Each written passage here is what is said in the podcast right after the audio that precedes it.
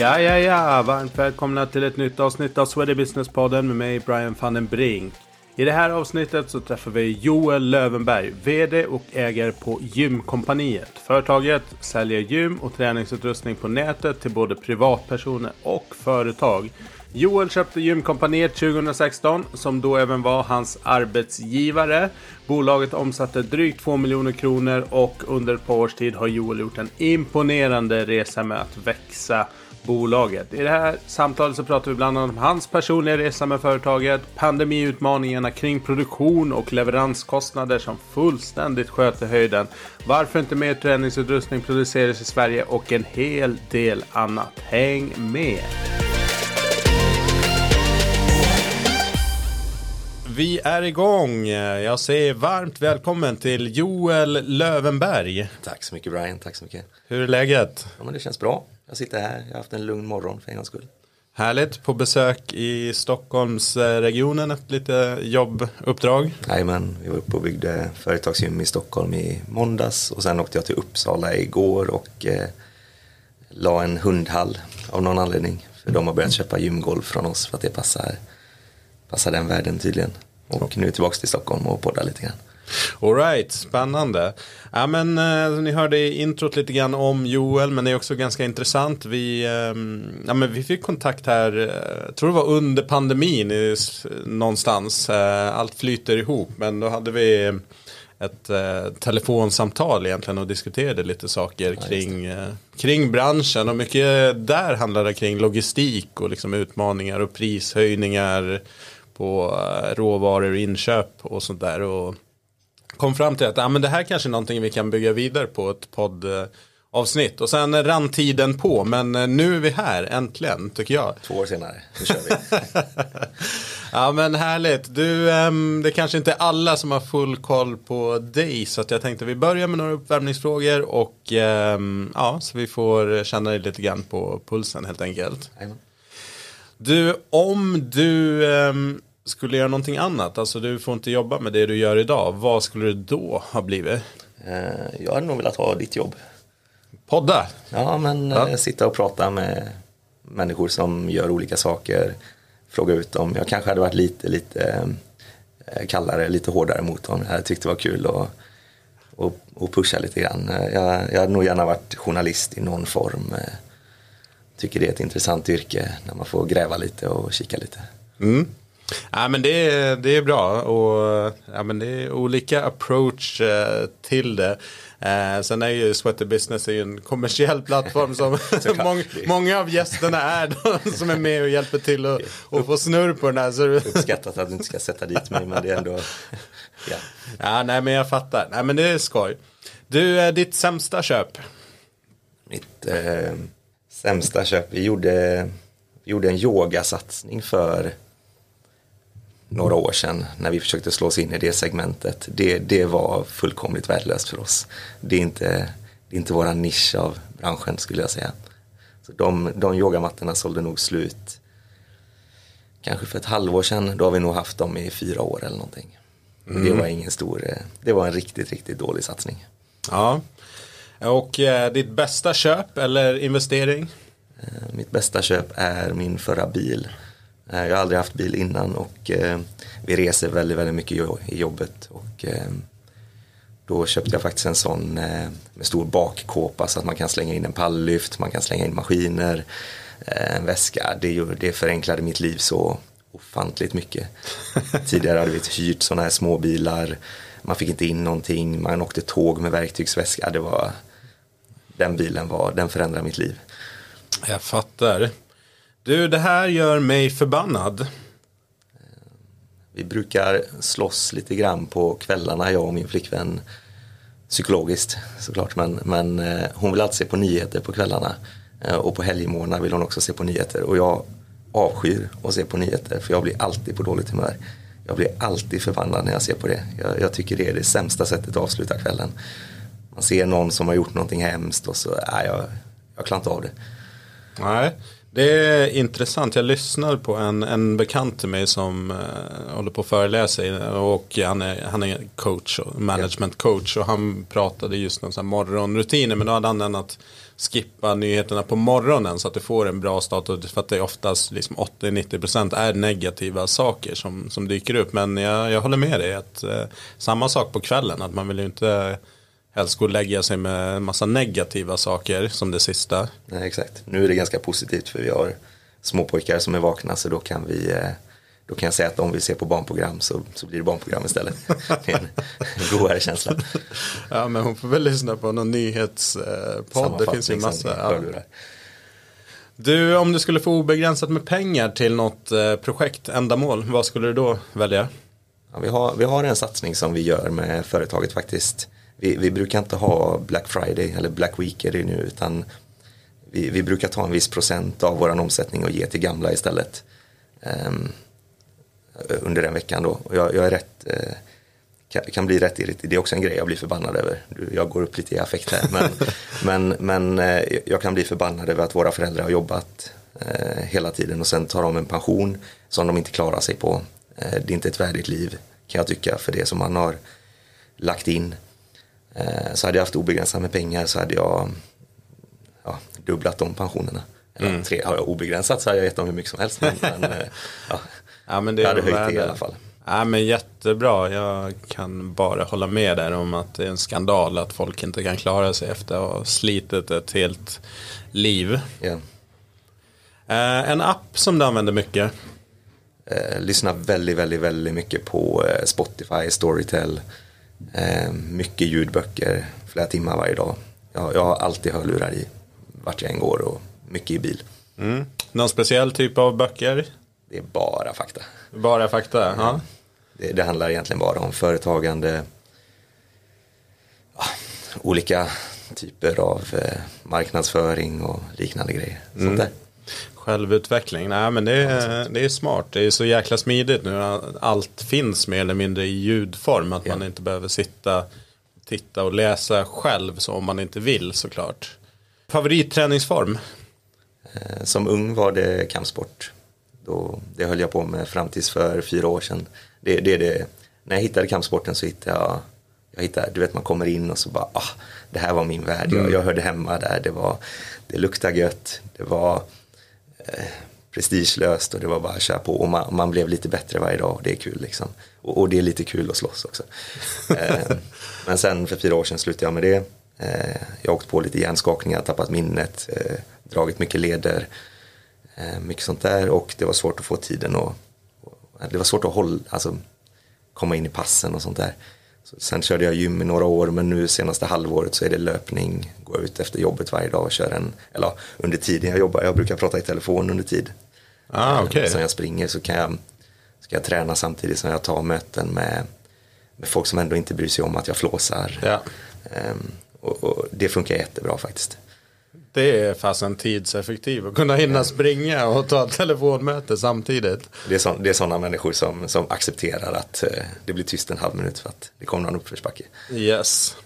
Här gick det åt helsike. Du var inne på yogamattorna där men det kanske finns någon annan ja, story. Vi har, gjort, vi har gjort riktigt, riktigt eh, en stor grej för oss har varit eh, jag har försökt få igång eh, svensktillverkad produktion under lång tid. Nästan nästan sen jag köpte gymkompaniet. Och vi gjorde under två års tid eh, tog vi fram eh, som en liten maskinserie kan man säga. Nu, nu gör vi ju produkter i Sverige i egen regi men, men jag ville få fram riktiga maskiner och vi tog fram verktyg för det och skisser och eh, ganska kostsam satsning. Och sen kom corona, eh, priserna på råvaror gick upp kraftigt. Eh, svenska kronan har ju haft en tråkig utveckling mot dollarn. Så hela det projektet fick läggas ner tills vidare och det har kostat ofantligt mycket tid och pengar. Vi kanske tar upp det någon gång men eh, det, det hade vi kunnat använda på ett bättre sätt. Mm. Nej men det är, det är svårt att veta på förhand och så kommer det alla de här faktorerna som du nämner som är helt omöjliga att förutse eh, själv. Men Ja, som du som läser mycket managementlitteratur eh, och så entreprenörsresor så är det så här, det finns bara lärdomar egentligen så att du kanske har igen det längre ah, fram. Jag, jag avskyr den, eh, fan inga lärdomar, det är bara jobbigt, kan inte bara. ja, man ska inte ångra, ja, jag ångrar tusen grejer, fan det finns så många bättre beslut man hade kunnat ta. Ja, alright, um, ditt bästa tips då för återhämtning? Min, min flickvän brukar säga åt mig när, när jag är riktigt trött och riktigt stressad då brukar hon säga du, du måste träffa dina vänner nu. Eh, det, det, blir ofta den man skär bort. Man, eller sådana i vår värld tänker i alla fall mycket på träning och sömn. Och det, det gör vi på något sätt naturligt. Jag, jag gissar att dina läsare gör det, eller lyssnare. Men, men man skär gärna bort på de här när man går och träffar vänner. Så då brukar vi gå ut, ta en öl, kanske två öl bara snacka skit, ingenting viktigt några timmar så kommer jag hem och så är jag ganska tillfreds och lugn. Mm. Det, det tycker jag är återhämtning. Yes, ja men bra. Um, det här behöver träningsbranschen tänka om kring. Lite olika saker men för, för vår egen lilla nisch, gymutrustning, det, det är ju en pytteliten nisch i den här världen såklart men begagnad utrustning, den som löser den nöten kan nog ha en bra marknad framöver. Det är många som har köpt bra utrustning till hemmagym och nu finns det Blocket. Men någon behöver kvalitetssäkra utrustningen innan den skickas vidare. Mm. Det kräver mycket kapital, mycket lager och det är dåligt andrahandsvärde. Um, det är för vår lilla nisch. Sen tror jag att det, för rent generellt så tror jag att PT-branschen kommer ha det riktigt tufft med, för nu, nu köper folk PT-program via influencers eller man går in Eh, och det var svårt för PT-branschen innan att få lönsamhet eller gå runt. Och hur, man ska hitta ett sätt att bemöta eh, när, när, en, när den man följer och köper program av kanske inte ens behöver ha en utbildning eller man, man köper det på en rent visuell eller, eh, eller charm. I, det, det kommer bli knepigt och hur man ska styra om den branschen. Och det är många gym som har satsat på PT-grejer. Det kan också bli knepigt. Mm. Nej, jag håller med. Om PT-frågan där, jag är delägare i ett utbildningsföretag så har vi också sett Dels har det kommit fler utbildningsorganisationer så marknaden är ju tuffare så men man ser också att intresset för de här gedigna och längre utbildningarna eh, det, det sjunker eh, ganska drastiskt. Man, folk vill på sin höjd ha en ganska kort bara för att få licensen eh, så att det blir någon slags legitimitet och sen köra igång. Men, eh, ja, men apropå det du säger, jag, jag köpte precis för två dagar sedan ett, eh, ett program från en kille, Marcus Philly. Ja. Eh, liksom, en pdf med liksom 16 veckors program. Eh, bara följa det. Liksom, jag som kan träning själv hyfsat, jag behöver inte en massa coaching kring tekniken och, ja. och sådär. Och så finns det videos om jag behöver. Liksom. Och kostnaden för den var? Ah, tusen spänn så att jag har 16. Det är svårt att kontra det. Ja men det är liksom fyra månader utav eh, träningsprogram som är, som är färdig, färdigt för mig. Så att eh, nej men nej, jag håller med. Det blir jäkligt intressant att se vart det där tar vägen. Mm. Så att man måste ju ställa om på något sätt som PT eller som gym också. Tänka, okay, kan man skapa digitala produkter? Bli, antingen får du bli jättespecialiserad och rikta dig mot en viss nisch så att du bygger ett namn där eller så så blir det tufft. Då måste du, jag vet inte. Jag jobbar mer på kanske det också, det, det som människan ändå, alltså mötet, att man får bli bättre på liksom coachingdelen. Att, att det är det som egentligen kanske är PT-tjänsten i mångt och mycket. Motivatorn, ja. privata coachen, liksom mentalt bollplank också. För det får du oftast inte från de här digitala. Men hur mycket utbildning är det på PT-utbildningarna i liksom soft skills? Yeah. Det är ju extremt lite. Och även, även man pratar ju ofta, nu, nu pratar man väl mycket sälj i PT-utbildningar och sånt men det är ju fortfarande en försvinnande del hur man jobbar med mer. Jag, jag jobbade också som PT i ett tag och byggde ju egentligen hela den gruppen kring en kund som sen refererade till en kund som sen tog den kunden som det, det är egentligen bara så man säljer. Mm. Ja, nej, intressant. Och begagnat är eh, såklart ett annat spår. Men jag tänker också i hållbarhetens Exakt. Eh, tidevarv också så behöver ju det här lösas på något sätt. Men det är ju jäkligt knökigt liksom. att, att fixa den. Vi, vi, har ju, vi har ju leverantörer som säljer mycket begagnad gymutrustning men de har ju vet, bara stora lager där det bara står grejer som har stått där i tio år. Det, mm. det, ja, de till slut får det skänkas bort eller kasseras. Eller, alltså, det är svårt. Ja, ja, vi får se. Du, eh, om dig då. Vem eh, är du och vilken, vilken bakgrund har du? Eh, precis som många andra i den här branschen så har jag gjort lite allt möjligt. Det blir ofta så. Om man vill in i hälsobranschen. Jag jobbade på i trim i flera år. Med viktminskning och som säljare. Eh, sen så har jag jobbat som fyscoach åt kampsportare framförallt. Eh, jobbat med föreläsningar. Jobbat som PT. Jag var med och drev ett gym i Göteborg. Lite, lite allt möjligt. Helt mm. Det, det, är ofta så i den här, ja. man, man startar ett litet, en enskild firma och sen försöker man bara sälja åt alla håll.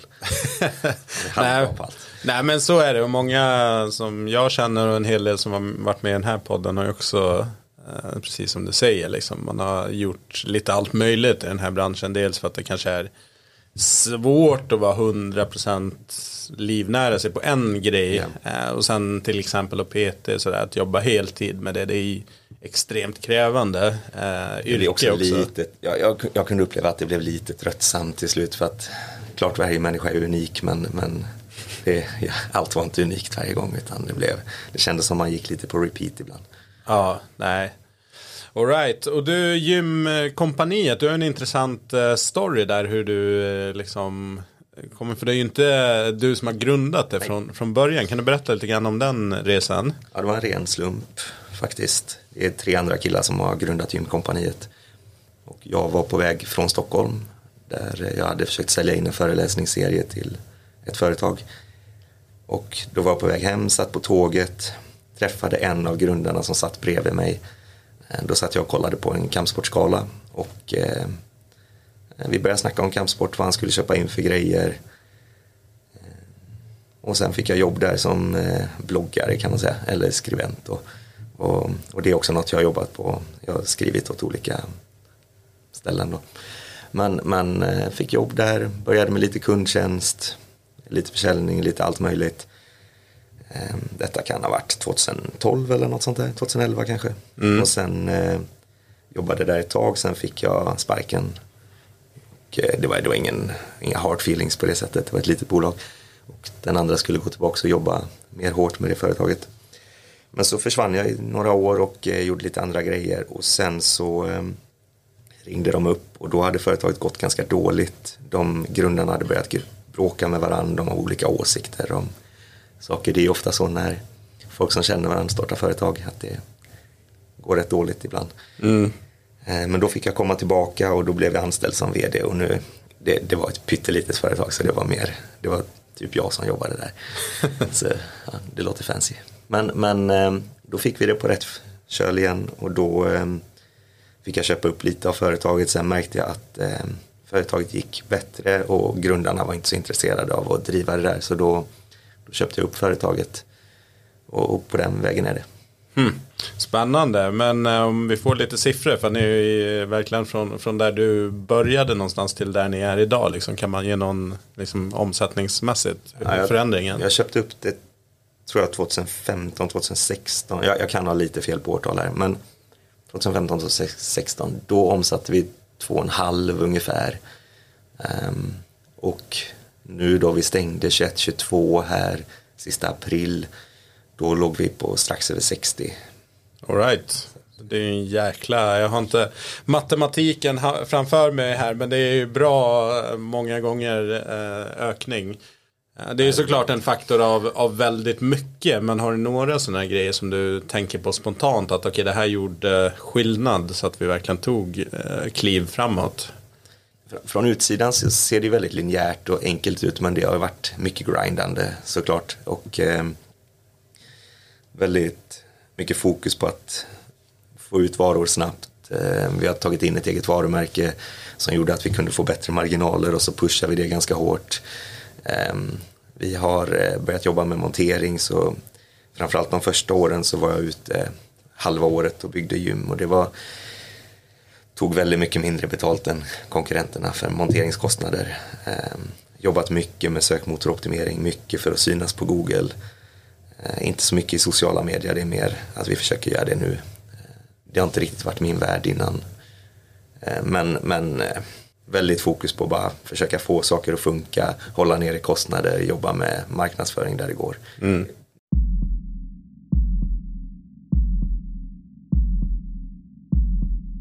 Ja men du, hur är fördelningen då? För att eh, ni är väl lite mer tunga åt eh, konsumentmarknaden, eller? Vi säljer lite mer hemmagym än vad vi säljer företagsgym. Eh, vi ligger ungefär 70-30 fördel hemmagym. Och det, eftersom ordervärdet är väldigt mycket större på mycket kommersiella grejer så, så i antal kunder är det säkert 85-15. Mm. Nu är det i och för sig, vi har ganska köpstarka kunder, ganska höga snittordrar eh, så att de köper ju ofta hela kompletta hemmagym på det sättet. Så vi har ganska få ordrar varje dag jämfört med, med omsättning. Ja. ja, men det är intressant. Jag tänker så här, de, många av de alltså, traditionellt stora utrustningsleverantörerna har ju gått hårt på business to business och yeah. sen har de tvingats in mer eller mindre under pandemin. Liksom, hemmamarknaden har ju alltid funnits där men mer eller mindre för många som ett spår, Liksom. Man har fokat på, på de kommersiella delarna där. Men hur ser du utvecklingen framåt nu då? Vi har pandemi och hemma, ett jätteuppsving. Vad tror du? Um, jag, jag, tror att det är lite som ehm, med, med um ja, men alla var hemma från jobbet, alla, men alla som jobbade på kontor var hemma från jobbet eh, under corona och jobbade hemifrån. Och sen när kontoren öppnade upp så tänkte folk att ah, nu ska alla komma tillbaka till kontoret och det blir kul om man vill ha socialt. Ja, fast det är rätt skönt att styra sina dagar och det är ganska skönt att slippa pendla och, och, och det har blivit lite samma sak med hemmagym tror jag att det var många som köpte hemmagym och det är klart att det inte är samma tryck på det nu som det var under corona när man var tvungen att ha grejer hemma. Men men jag upplever inte att det är någon avstannande marknad på det sättet att intresset för hemmagym har blivit sämre utan det är bara mer att det är lite lugnare. Ehm, och de som har vant sig vid att träna hemma de är rätt bekväma med att träna hemma. Mm. Sen kanske de går till gymmet också för att det är ett mycket större komplement. Men, men jag tror inte att det blir sådär att alla i en handvändning bara helt plötsligt springer till gymmen. Det, jag sa upp mitt medlemskap på gym nu och eh, jag, jag kör gärna lite grann bara på kontoret. Mm. Nej men det där är intressant. Jag tror också återhämtningen för gymmens del med medlemmar har ju vad jag har pratat med, med olika aktörer att den har gått mycket trögare än vad man har trott. Just eh, stärker ju din tes där att man, folk kanske inte helt plötsligt i en handvändning switchar tillbaks till utan det blir, eh, kommer landa i någon slags eh, hybrid, hybrid där man, ja men där det passar bäst. Både du och jag är småbarns. Föräldrar liksom. Så att det är ju också en, och många är ju där också. Så att eh, det är ju också en viktig faktor att, ja, men, att gå iväg till, ta sig till gymmet, träna en timme eller så. Och sen ta sig tillbaka. Det kan ju vara två timmar eh, lätt för någon kontra att bränna av någonting hemma på 45 exakt, minuter. Exakt. Sen, sen, tror jag att det finns en underliggande trend som gör att folk satsar mer på, på hälsa hela tiden. Det har vi sett under lång tid och det kommer säkert fortsätta. Men så, så, det kommer säkert gå bra för gymmen till slut, men jag tror att det går mycket trögare än vad många tänkte. Mm. Jag, jag, jag, är inte insatt, så Nej, men, men, det är bara min känsla. Absolut, det, det tror jag. Nej, återigen de här också klyftorna, att de som, de som är inne i det här, de blir mer avancerade och liksom satsar ännu mer på det och sen har vi en stor stor andel tyvärr som inte alls eh, rör på sig eller gör någonting kring det. Så att den behöver vi gnugga på. Så det finns ju potential uppenbarligen att, att få in ännu flera att träna hemma eller på gym eller utomhus. Men gymkompaniet som, som företag då, vad, för den som inte har koll, vad har ni för produkter och säljer ni egna varumärken eller andras varumärken? Hur jobbar ni? Eh, lite allt möjligt men eh, vi säljer allt från fjäderlås till löpband och eh, golv och skivstänger. Och, men, men vårt stora fokus är skulle jag säga basic styrkeutrustning. Så golv, bänkar, ställningar, racks, skivstänger, vikter, hantlar, alltså the basics. Mm. Sen så säljer vi det andra också. Vi, vi kan helutrusta kommersiella gym men, men det är en mycket, mycket mindre kundgrupp för oss än, än de som bara köper basic-produkterna. Eh, det är där vi är starkast och, och duktigast skulle jag säga. Det är vårt fokus. Mm. Och eh, du var inne lite grann på marknadsföring, men jag är intresserad. Eh, jag har ju som sagt eh, researchat dig lite grann och förstått att du har skrivit mycket själv. Jag märker det på LinkedIn när du gör dina, dina inlägg där att det är Ja, men det är genomtänkt och ett tydligt tema i, i alla inlägg så att det, det, det märks att det är någon som, som är van att tänka till och liksom formulera sig i, i skrift. Men hur tänker du kring ni då kring eh, gymkompaniet och hur ni eh, marknadsför för att, för att nå ut och synas? Vi, vi har varit väldigt eh, Google-fokuserade. Det har varit mycket fokus på, på att synas där för det, det är ofta där folk gör sin sökresa. Men sen så har vi jobbat lite med vad ska man kalla det, sociala medier men, men Instagram framförallt. Eh, försökt visa upp det här är vi som, som företag och det, det är mest för att ha en direktkontakt med, med kunderna och den är ganska osminkad. Jag skulle säga att om du går in på våran Instagram jämfört med, med, med något av de kända företagen i mm. branschen så, så är våran lite grötigare. Den är lite mer Jaha okej, okay. det här var relativt vanliga ja.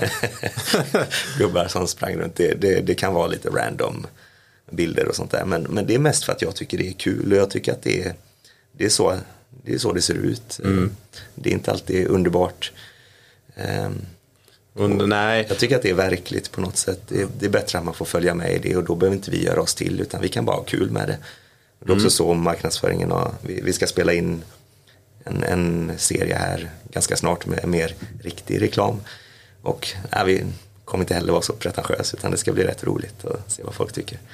Ja, men jag tror att det är ett vinnande koncept och tittar man på sociala medietrender så går det ju verkligen åt eh, mer äkta ja. eh, som är så riktigt som möjligt och också med videotrenden att det är mycket svårare. Visst du kan skicka det till någon video redigerare som kan göra det, liksom sminka upp det och få det att se. Men, men det gör ju också att det blir det blir ganska, det är som det är yeah. med, med videoformatet. Men, men eh, en megatrend där är ju verkligen att man går ifrån de här jätteproducerade videosarna och bilderna till, ja men folk vill ha lite mer yeah. det riktiga liksom. Vilka, så det, det tror jag verkligen att ni, ni vinner på. Det är ofta det som är intressant. Man tycker ju själv kanske så här ja, men det är så intressant att vi är här och roddar på lagret eller installerar. Men alltså, exakt, exakt. folk tycker ju att det är intressant. Vad är det som händer på riktigt? Det är också därför jag började skriva lite. Det har jag gjort hela tiden. Skrivit på Instagram lite tankar och sånt kring.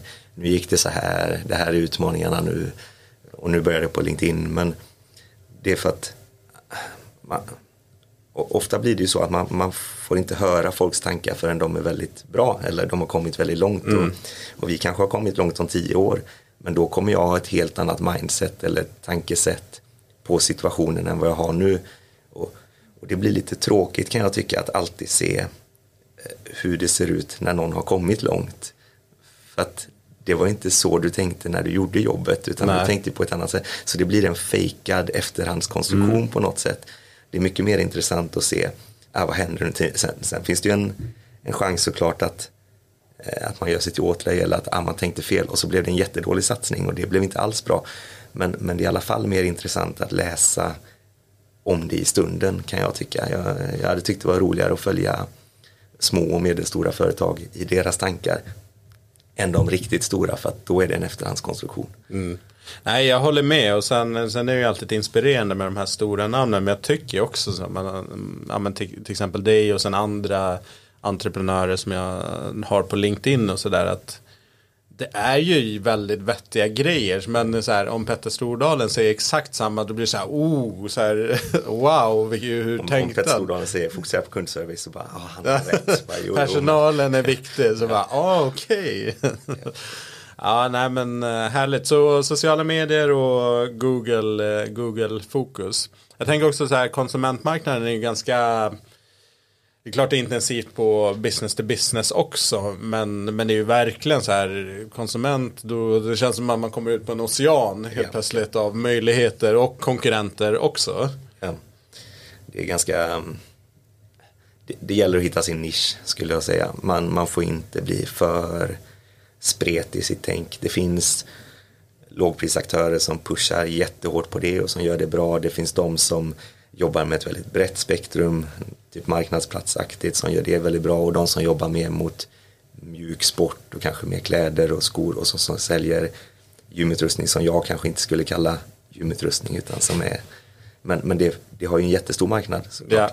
Och sen så finns det de som säljer väldigt, väldigt dyrt. Men då, då får man hitta, men vi är back to basics, det ska vara per krona ska det vara väldigt prisvärt. Och det, passar oss och det är det, än så länge har det inte stannat av. Mm. Hur tänker du då kring egna, eget varumärke kontra andras? Där, vart vill du fortsätta med liksom en mix eller är drömmen någonstans att kunna köra i princip helt sitt eget? Jag, jag, jag tror att jag tror att det finns två olika håll som det går åt. Antingen så är det extremt stora marknadsplatser där du hittar alla varumärken. Det, det, det, tror jag alltid kommer finnas kvar och de kommer bli jätteduktiga på logistik. Och alla, man tänker ju som Amazon fast i Sverige då. Men, mm. eh, men det finns ju folk som kommer göra det väldigt bra och det blir ett brett spektrum. Men jag, jag tror också att att sälja andras varumärken på sikt är en, en, en död liksom. Du måste sälja ditt eget. Man köper direkt från fabrik och så ska det direkt ut till kund. Du kommer alltid få en mer prisvärd produkt på det sättet. Du, du får också ett eget varumärke som folk kan söka på. Du kan styra produkten på ett annat sätt. Eh, du kan ta feedbacken direkt från kunderna, direkt till fabriken, ändra om. Vi ändrar våra produkter eh, ja, jämt. Mm. Och um, jag tror att det är svårt att sälja andras varumärken på sikt mer än som en komplementaffär till, till sin egen. Sen är frågan hur stor den delen kommer bli, den kan bli mindre eller större men, men egna varumärken tror jag måste driva utvecklingen annars blir det svårt mot de stora jättarna eller vad man ska säga. Mm, ja men jag fattar. Vad, om jag får säga då, att ni är lite en utmanare, i alla fall om man kommer till business to business eh, sidan där det finns ett antal liksom, etablerade varumärken sedan sen lång tid som lägger mycket krut på liksom, produkt, nya produkter och sen marknadsföring och, mm. och sånt där. Och jag kan tänka mig också en del köp, alltså en konservativ bransch på det sättet att man, man kanske köper de varumärkena som man, man känner till. Hur... Man har också långa, långa uppbyggda relationer via Exakt det är inte så konstigt. Hur tacklar ni det? Liksom? Hur kommer ni in på om jag säger de kommersiella delen av business to business med Vad vinner ni på när ni får era affärer, tänker du? Eh, vi är framförallt väldigt snabba. Ehm, de andra kan ha mycket, mycket längre process men vi märker ofta att ehm, hela vår process är klar innan de har gjort sitt första utkast kanske. Ehm, vi är väldigt flexibla. I och med att vi inte är lika stora så, så så betyder ofta deras affär mer för oss och då kanske man anstränger sig lite mer ehm, och, gör lite speciallösningar för att försöka hjälpa till. Men, men när det gäller fullkommersiella gym så är det inte så mycket sådana vi gör utan det är ehm, några enstaka per år. Det handlar mer om företagsgym. Eh, där är vi väldigt starka och har byggt åt de där vi sitter nu Ja, vi sitter på coworking eh, slash konferensanläggning mitt i, mitt i Stockholm. Ja, här har vi byggt, vi har byggt många sådana konferens, eller coworking ställen. De flesta större företag skulle jag säga att vi har byggt något gym åt. Och, och där är ju ofta att de, vi har ingen uppsökande försäljning utan det är ofta de som har hittat oss på Google och, och, och då är det ju där vi drar in affären och sen försöker vi bara hålla så få trösklar som möjligt så att det ska flyta på. Mm. Ja men härligt. Ja, men det känns också som ett växande område. Hela corporate och coworking. Och sen tänker jag också bostadsrättsföreningar. Alltså gym öppnar på en massa andra ställen än, än vad traditionellt sett tidigare. Absolut och framförallt så jag, jag tror att många hade gym förut också men det är framförallt att de har mycket finare gym. De har mycket bättre gym. Vi var uppe här i Stockholm för två veckor sedan och byggde ett helt, helt magiskt företagsgym. Alltså det, det, var ett riktigt gym. Mm. Eh, det var så påkostat så att alltså, så har det aldrig sett ut på en arbetsplats där Nej. jag har jobbat. Eh, och i, förra veckan var vi hos en förening, en, en liten förening och, och, de byggde också ett, alltså ett riktigt gym. Det var, det, det var som att gå in i en riktig anläggning. Mm. Så att gränserna suddas ut lite mellan och, och speciellt nu när det finns många mindre kommersiella gym. Det är inte de här fullserviceanläggningar utan det är kanske en mindre anläggning, då är nästan företagsgymmen bättre. Mm. Så att, svårt att säga vart den gränsen går.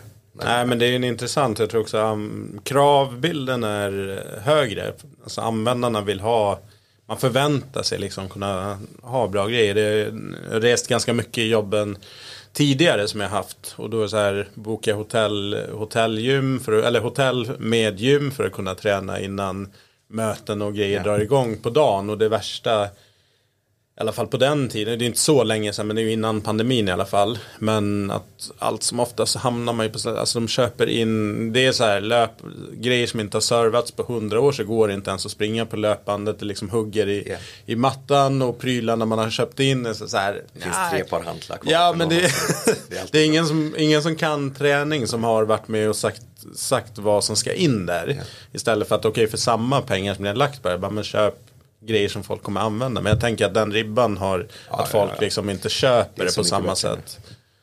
Men eh, ja, så det är bara till det, till det positiva tänker jag. Eh, utmaningar finns det ju alltid såklart som entreprenör så löser man ju problem hela tiden. Men vad skulle du säga är det största liksom, kortsiktiga utmaningar?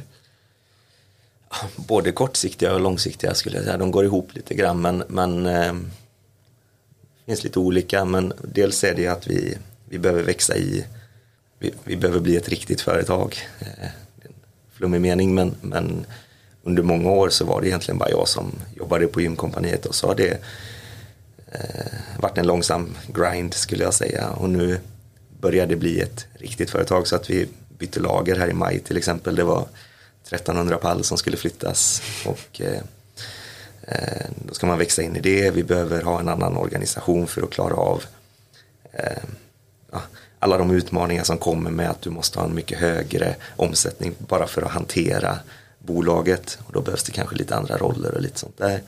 Och hur man ska fortsätta växa det över sikt. Sedan så är det givetvis en jättestor utmaning med eh, dollarkursen kontra svenska kronan. Dollarn blir starkare, inköpen blir dyrare Samtidigt som frakterna är fortsatt höga, inte lika bisarra men fortsatt höga. Eh, samtidigt som vi har en inflation som gör att folk är lite rädda. Eh, mm. Man vill inte handla för mycket.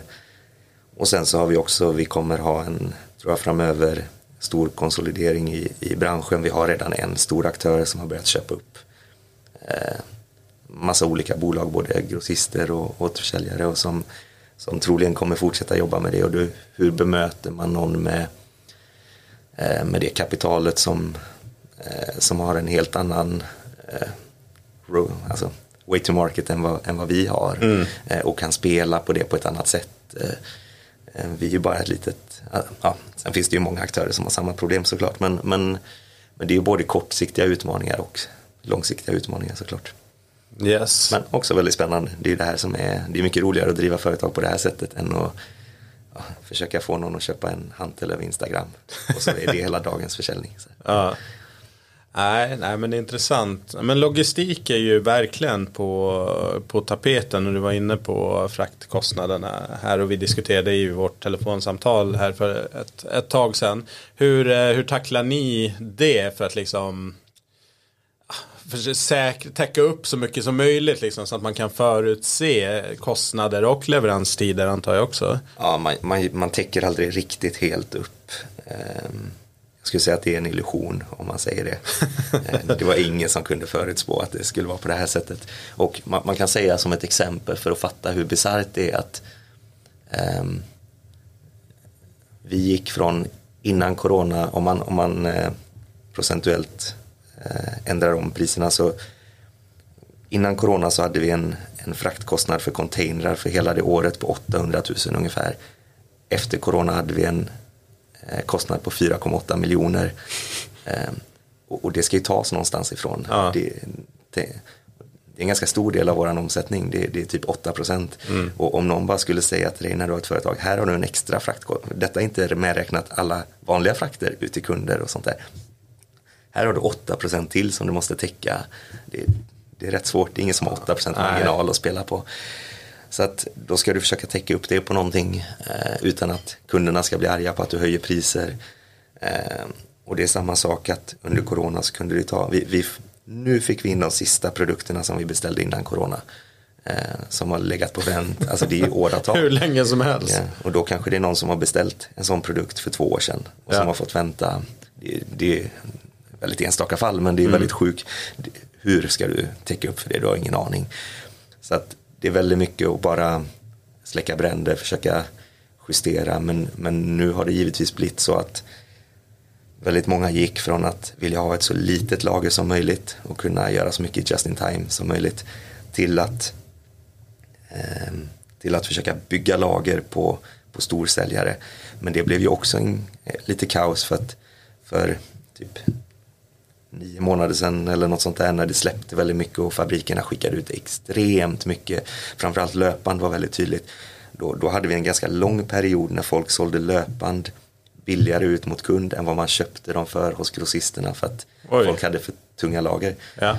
Så, eh, och, och, det finns fortfarande vissa sådana produktkategorier där det är billigare att köpa som kund än vad vi köper från det, ja. En förlustaffär på de produkterna för i att, princip. Att, det är för, för att du kanske har beställt i sex omgångar från fabrik med löpande och helt plötsligt får du fyra containrar. Mm. Och du måste bli av med dem och nu är det sommar, du kan inte ligga med dem över det finns folk som har det mycket värre än vad vi har men även vi har de prövningarna.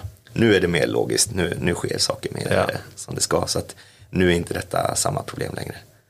Nej, intressant. Eh, intressanta utmaningar som sagt som ingen kunde riktigt eh, förutse. Jag jobbade ju på, på Keycraft och Technogym och då var det ju oftast eurokursen som var liksom orosmomentet. Men det var ju inte så att den slog hur mycket som helst. Men, ja. men ändå vissa variationer där som, som kunde vara väldigt utmanande. Man har budgeterat på, på vissa saker. Ja. Men jag tror vi kommer få se mer produktion i Sverige framåt. Att man vill säkra upp eh, på ett annat sätt för att ja, men lite skydda sig mot det här. Eller tror du att vi kommer gå tillbaks till just in time principen? Jag, jag hoppas verkligen vi får se mer i, i Sverige. Det hade varit kul. Eh, vi har ju som sagt eh, försökt få igång svensk produktion i, i flera olika led flera gånger. Eh, nu, nu, har vi en liten verkstad skulle jag säga. Det är en kille som producerar framförallt strongman-utrustning och lite roligare eh, grejer. Men vi har tagit fram reverse hyper och vi tar fram bänkpress och sånt där nu. Men eh, det är fortfarande väldigt dyrt att göra i Sverige. Eh, rent produktionsmässigt i timmar. Eh, det tar ganska lång tid att få fram en skiss. Eh, och testa den. Det, det är klart att de riktigt stora leverantörerna i Asien som kan detta, de får de en Säger du att du vill göra en justering så, så vet de redan hur de ska göra den justeringen. De har ju system för att lösa det och det, alltså det går inte att jämföra hastigheten eh, och priserna. Eh, och de har blivit duktiga så att det är inte längre skit. Alltså, mm. det är bra grejer.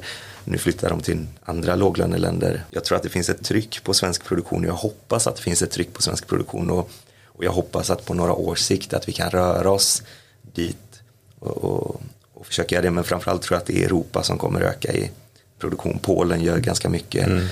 Eh, vi, precis innan eh, kriget här slog till så, så eh, hade Ukraina en del intressant produktion. Nu blev ju det stoppat såklart. Ja. Då. Men, men det kikade vi lite grann på. Ehm, och, så jag, jag, tror att närområdet blir mer intressant att jobba i, men kanske mer Europa än Sverige. För Sverige är fortfarande lite långsamt i sin produktion. Mm. Då, då, får man göra det kanske lite sådär på hobbynivå eller vad vi ska kalla det. det, när man gör det inhouse mer som en rolig grej och så kanske utveckla det över många års sikt. Ja. Nej men det är jäkligt det finns ett, ett exempel i klädbranschen. Då tänker, alltså historiskt har H&M sett som liksom snabba från, från en trend till färdiga produkter. Jag tror, eh, jag får inte ta det helt på som fakta här, men jag tror det är tre månader någonstans har de och det anses liksom som snabbt. Sen gör de ju det på en global skala. Men så har du eh, en kinesisk aktör som heter Shine. Ja, som, eh, som har en time to market på dagar. Från liksom att man ser att något trendar på sociala medier till att de själva postar och liksom checkar av intresset till att produkten skickas så snackar vi dagar från det. Så att jag för just... mig att just de, jag kanske har fel, men jag för mig att de har en algoritm som om de märker att en viss produkt ökar så, så gör de variationer på den som sen själv testar ut sig själv. Som sen bara, alltså det är helt, helt galet. Men eh, ja, så att man, så man fattar ju liksom utmaningen, liksom den snabbheten som det nu är inte samma snabbhet inom den här produktkategorierna kanske, men ändå liksom samma liksom tänk att det blir väldigt svårt att konkurrera med den, den hastigheten Absolut. som de har och skalan som blir ja. därmed. Vi, vi, blir lite skyddade i och med att det är svåra grejer att skicka och det, det, det är svårare att skicka en, en skivstång lönsamt från Kina kanske. Exakt. Och sen hade jag en följdfråga på den. Liksom, tror du att eh, kunder är villiga att betala lite mer för eh, svenskproducerat eller blir det mer nisch? Liksom, att vissa tycker att det är viktigt eller är priset ändå så pass? Både och. Jag, jag trodde att de skulle vara lite mer villiga. När, när vi tog fram, nu har vi tagit fram kanske 20 produkter svensktillverkade jag, jag, hade en förhoppning om att de skulle vara beredda att, för det är de produkterna vi har lägst marginal på. Och, och det har vi gjort bara för att jag tycker det är kul att, att sälja svenskproducerat och jag vill gärna få igång det. Eh, men vi testar med lite högre priser och det, det, det var ingen som ville betala det. Eh, och man kan säga vad man vill, ja det är klart jag vill betala det men, men då vill ju inte det. Eh, och, och, då stämmer det inte så då, då fick vi gå ner lite grann. Jag tror att det handlar mer om om varumärke än om just svenskproducerat. Jag tror att på sikt så kan man bygga upp så att det svenskproducerade varumärket har en, en hög status och att produkten i sig framstår som väldigt bra och, och då blir det svensktillverkade en del av att bygga upp det varumärket. Så tror jag man kan göra. Mm. Man kan använda, men, men det tar ganska lång tid och det, det kräver ganska mycket energi. Eh, vi, vi, har ju folk i branschen som har gjort det duktigt. Eh, då, då köper ju folk det eh, delvis för att det är svenskt men de köper ju det också för varumärket i sig som de har byggt upp under många, många år. Mm. Nej, så de hänger ju ihop liksom. Ja. Eh, men produktutveckling generellt då för er framåt, vad är eh, prio? Ganska mycket fokus på att eh, säkra upp våran nisch. Jag vill egentligen att vi ska ha oavsett vilken produkt du kollar på inom eh, basic-sortimentet så, så ska du hitta ett alternativ hos oss som ska kunna stå sig mot alla andra aktörer. Eh, så att om, om du plockar ihop ett paket hos oss ska du veta att ah, det, hade jag gjort detta hos någon annan så hade jag behövt leta på fem olika aktörer för att hitta motsvarande kundkorg. Mm. Eh, det, det är vårat eh, stora mål inom, inom den nischen. Så att vi har, eh, under corona fick man satsa väldigt mycket på att fokusera på kanske de 20 procenten som, som verkligen säljer för att det var ledtider på nio månader, ett och ett halvt år så att då, då behövde du säkra upp det. Eh, nu kan du vara lite mer flexibel och vi, som sagt vi har byggt eh, lager så vi har mycket mer plats. och då kan vi få in ett lite bredare sortiment så att det är fokus just nu. Komma in vi saknar fortfarande mycket olika produkter som vi hade kunnat bli, kanske inte så intressanta produkter, men typ competition kettlebells, ja. varför är vi inte bäst där? Ja, vi har inget bra sortiment där. Varför är vi inte bäst på eh, enkla bänkpressar?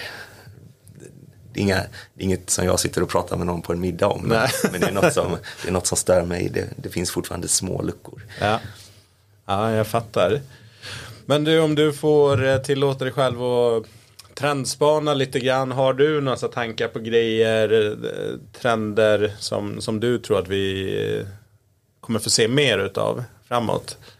Eh, ja, jag, jag, var nere på den här Fibo-mässan. I, vi körde ner med, jag ska ta en sidostory på den också. Men, ja, men, ja, absolut.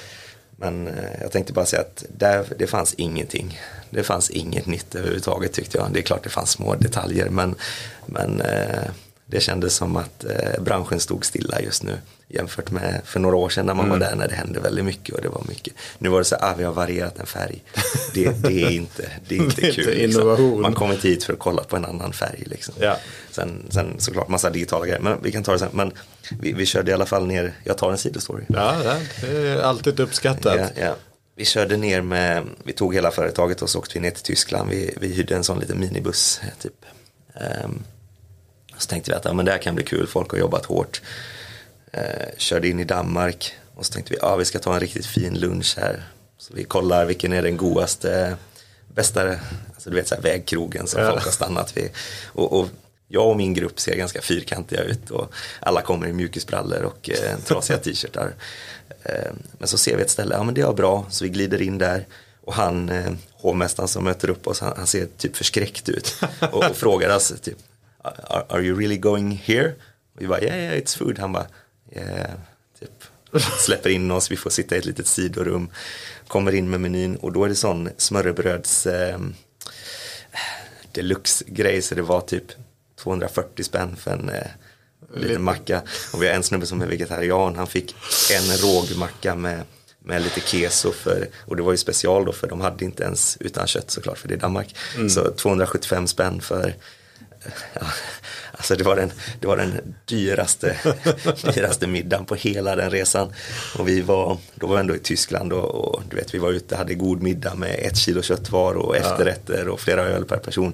Det var mycket billigare än den där danska lilla lunchen på det här lilla, för man var ju tvungen att äta tre sådana mackor för att bli mm. mätt.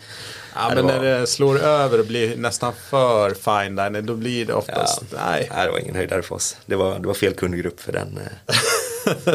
Men, men trendspaning, det är klart att vi går mot en eh, det är klart att det är, den stora underliggande trenden är ju såklart att vi går mot digitala eh, grejer och hur man ska registrera dem på olika sätt. Jag tycker framförallt att det handlar om hur, hur man ska motivera människor att faktiskt fortsätta träna för att alla vill ha någon sorts stimulans. Eh, jag upplever att tidigare var det mycket mer, man gick och tränade för att man hade disciplinen att gå och träna och nu när man pratar om eh, om vi pratar som PTs eller man pratar som gym så är det ah, hur ska jag skapa motivation att de ska komma hit, hur ska jag sticka ut, hur ska detta bli en upplevelse i gymmet mm. snarare än att det är tio maskiner som står där och folk går dit för de tränar. Och, och det kan ju också vara att förr så var det bara 5% som tränade på det sättet. Och då var det de hardcore som de tränar vart de än tränar. De, mm. de gör armhävningar på rummet om de behöver. Men nu är ju marknaden för träning mycket större. Och då måste du få in de här människorna som är eh, ja, som behöver kickar hela tiden och som och, och jag tror att det är där trenden är. Folk försöker starta nya butikkoncept för att få människor att gå dit, det blir Instagramvänligt, det blir någonting de kan filma, det blir någonting, ah jag gjorde det här, det är en happening. Mm. Det är ganska svårt att upprätthålla det där. Om, om, om du har en kul affärsidé du skapar, ah, det är mörkt rum med massa party, det är disco, folk springer och skriker, det är skitkul i typ ett halvår. Mm. Vad händer sen då? Då vill du ha ny, de som drivs av de kickarna, de vill ju gå vidare eller de vill ha något nytt. De kommer inte stå där i tre år. Jag, jag tror att det är svårt. Um. Nej men det är, och kollar man i USA så är det ofta att folk som tränar på butiks att de har flera medlemskap, exakt, att man exakt. snurrar runt på olika ställen och det tror jag stärker liksom din tes där kring att det blir en, en vardag i det också. Om du ska köra samma koncept yeah. varje dag så är det ju inte en happening. Liksom om du har en fest varje dag så, så är ju inte den kul. Och det, det är tydligt med att det har kommit sådana medlemskap nu som du kan signa upp dig på att du signar ju upp dig på ett universellt medlemskap snarare än, än på ett visst gym. Mm. Och då får du variera lite. Vilket är jättemärkligt för mig för man vill ju ha sin rutin. Man vill ju gå dit, man vill göra sin ja. grej men, men nu tillhör inte jag den, den kicksökande Nej. tränaren utan jag vill bara ha en enkel rutin. Jag springer exakt samma runda varje dag. Men, men jag är inte heller den vi pratar om här. Men det, det tror jag att det, det blir den, den stora underliggande trenden att man måste hitta sätt att att driva upplevelser och det är samma sak när du säljer utrustning såklart. Du vill, du vill skapa ett varumärke som folk vill vara med i, de vill dela att de är en del av det. Det, det är kul men, men det är en ganska knepig försäljning på ett sätt. För det handlar inte längre bara om produkten. Eh, det handlar inte längre bara om ifall gymmet är städat snyggt och personen säger hej utan det är hur får vi detta att kännas unikt och trendigt det blir mer av en happening. Mm. Det, det, är en eh, ja, Du är ju inne i under, underhållningsbranschen lika mycket som Exakt. du är inne i, kanske till och med nästan mer åt underhållning, nöje. Än, ja. Nej, jag håller med. Den är den butik och liksom studio. Ja, den, det är ju höga marginaler om man till exempel de som lyckas. Men, men det är ja, hard earned money skulle jag säga. Det finns ju också en stor konflikt där mellan old school människor som vill att allting ska vara på korrekt, alltså Crossfit är ju på ett sätt ett exempel på det här.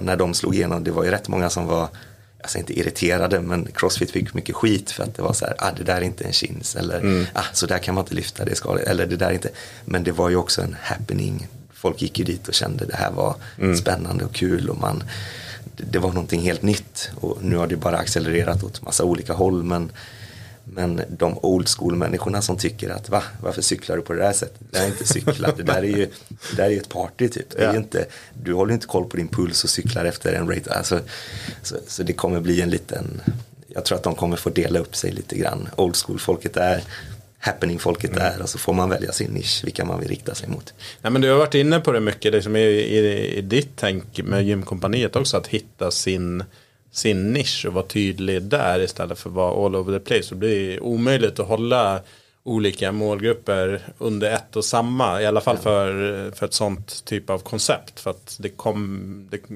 de som älskar riktig cykling och liksom är intresserade av performance. Ja, men de skulle ju spy på liksom, att gå på Soulcycle eller någon yeah. annan cykelkoncept. För det är så här det där är ju någonting annat och vice versa. Den som gillar här underhållningscyklingen. Ja, den, den dör ju på ett pass där man liksom ska uppstyrt maratoncykling. Ja. ja, nej men uh, intressant. Det, jag håller med i de här trenderna. Vi får se vad som, vad som händer. Jag tror personligen vi kommer få se mer koncept i, i Sverige. Att uh, när kedjorna dominerar så mycket och verkar liksom växa sig ännu starkare. Att Ja, ska man hitta sin plats så måste man göra någonting annorlunda. Det är en annan trend för övrigt som du nämner bara utan att tänka på kanske, men att, att kedjorna tar ju över, alltså det är svårt som liten aktör att slåss mot, mot vissa, de etablerar sig väldigt mycket, de kan pusha på ett tag. Mm. Eh, och så är det ju inom både, ja, inom alla små nischbranscher att, att eh, de större blir lite större och de mindre får det lite knepigt. Det, det kommer bara fortsätta. Verkligen. Ja men du, eh, vi har faktiskt kommit fram till den sista frågan och det är för vissa den svåraste och det är vilken låt vi ska rulla ut det här avsnittet. Men innan du svarar på den så skulle jag vilja tacka dig jättemycket för att du tog dig tid. Eh, kul att snacka med dig, som sagt en, en ny bekantskap. Jag hade koll på gymkompaniet och har förmodligen googlat fram det på olika sätt tidigare men hade liksom inte någon, någon pejling så det var intressant att få höra mer om om er verksamhet och sådär. Och jag länkar in till eh, er hemsida och Instagram och kanske till din LinkedIn om någon vill ta direkt kontakt med dig och höra mer. Ja, Grymt. Ja. Så, musik. det, det, är inte så jättesvårt faktiskt. Jag, eh, jag, jag lyssnar egentligen bara på ett enda band. Eh, jag, jag lyssnar bara på Rammstein. Det, jag lyssnar okay. normalt sett inte på musik utan eh, om, om jag ska träna och jag kör marklyft eller knäböj så är det Rammstein och that's it. Jag, ja. jag har ingen annan musik. Nej. Men eh, det är svårt att veta vilken av låtarna man ska, man ska välja där. Men eh, jag tror att Ängel eh, funkar bra. Den är ändå lite mjukare. Den har jag inte hört så det blir en ny bekantskap. Jag har faktiskt med Du Haster med i mina träningsspellistor. Ja, det är en klassiker på gymmet. Exakt. Ja men bra, då rullar vi ut på det. Stort tack. Tack så mycket warum man sie nicht sehen kann. Erst wenn die Wolken schlafen gehen, kann man uns am Himmel sehen. Wir haben Angst und sind allein. Gott weiß, ich will kein Engel sein.